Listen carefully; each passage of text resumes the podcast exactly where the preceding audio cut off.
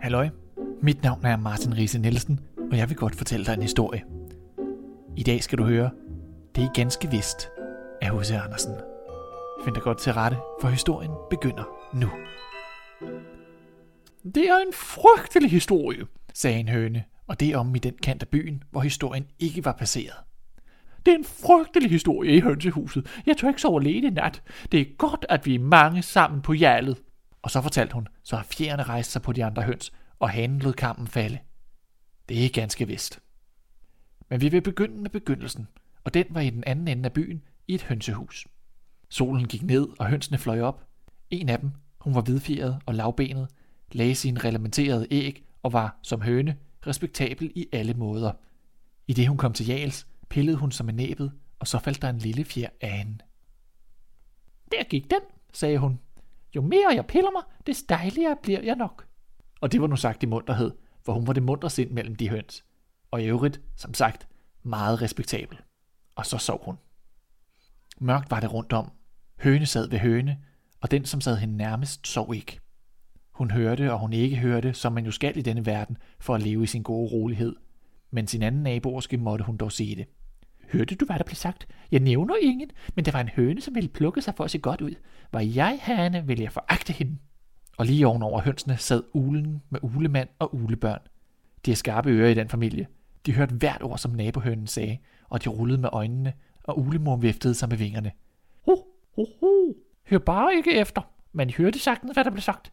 Jeg hørte det med mine egne ører, og man skal høre meget, før de falder af. Der er en af hønsene, som i den grad har glemt, hvad der skikker sig en høne, at hun sidder og piller alle fjerne af sig og lader herren se på det. Prenez garde aux enfants, sagde ulefædre.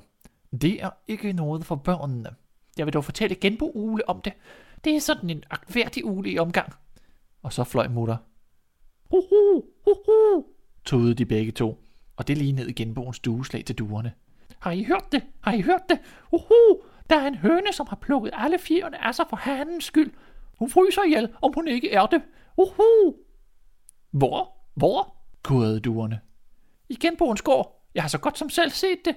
Det er næsten en upassende historie at fortælle, men det er ganske vist. Tror, tror hvad det er, vi ord, sagde duerne og kurrede ned til deres hønsegård.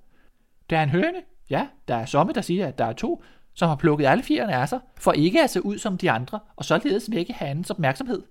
Det er et vågeligt spil. Man kan forkøle sig og dø af feber, og de er døde begge to. Vågn op! Vågn op! galede hanen og fløj op på plankeværket. Søvnen sad ham endnu i øjnene, men han galede alligevel. Der er tre høns døde af en ulykkelig kærlighed til en hane. De havde plukket alle fjerne af sig. Det er en fæl historie. Jeg vil ikke beholde den. Lad gå videre. Lad gå videre, pep flagermusene, og hønsene klukkede, og hanerne galede. Lad gå videre, lad gå videre. Og så får historien fra hønsehus til hønsehus, og til sidst tilbage til stedet, hvorfra den egentlig var gået ud. Der er fem høns, hed det, som alle har plukket fjerne af sig for at vise, hvem af dem, der var blevet magerst af kærestesorg til hanen.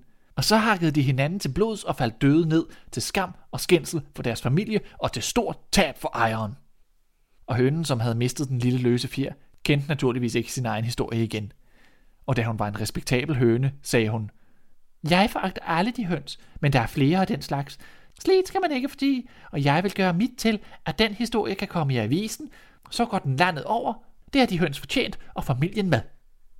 Og det kom i avisen, og det blev trygt, og det er ganske vist. En lille fjer kan nok blive til fem høns. Det var alt for nu.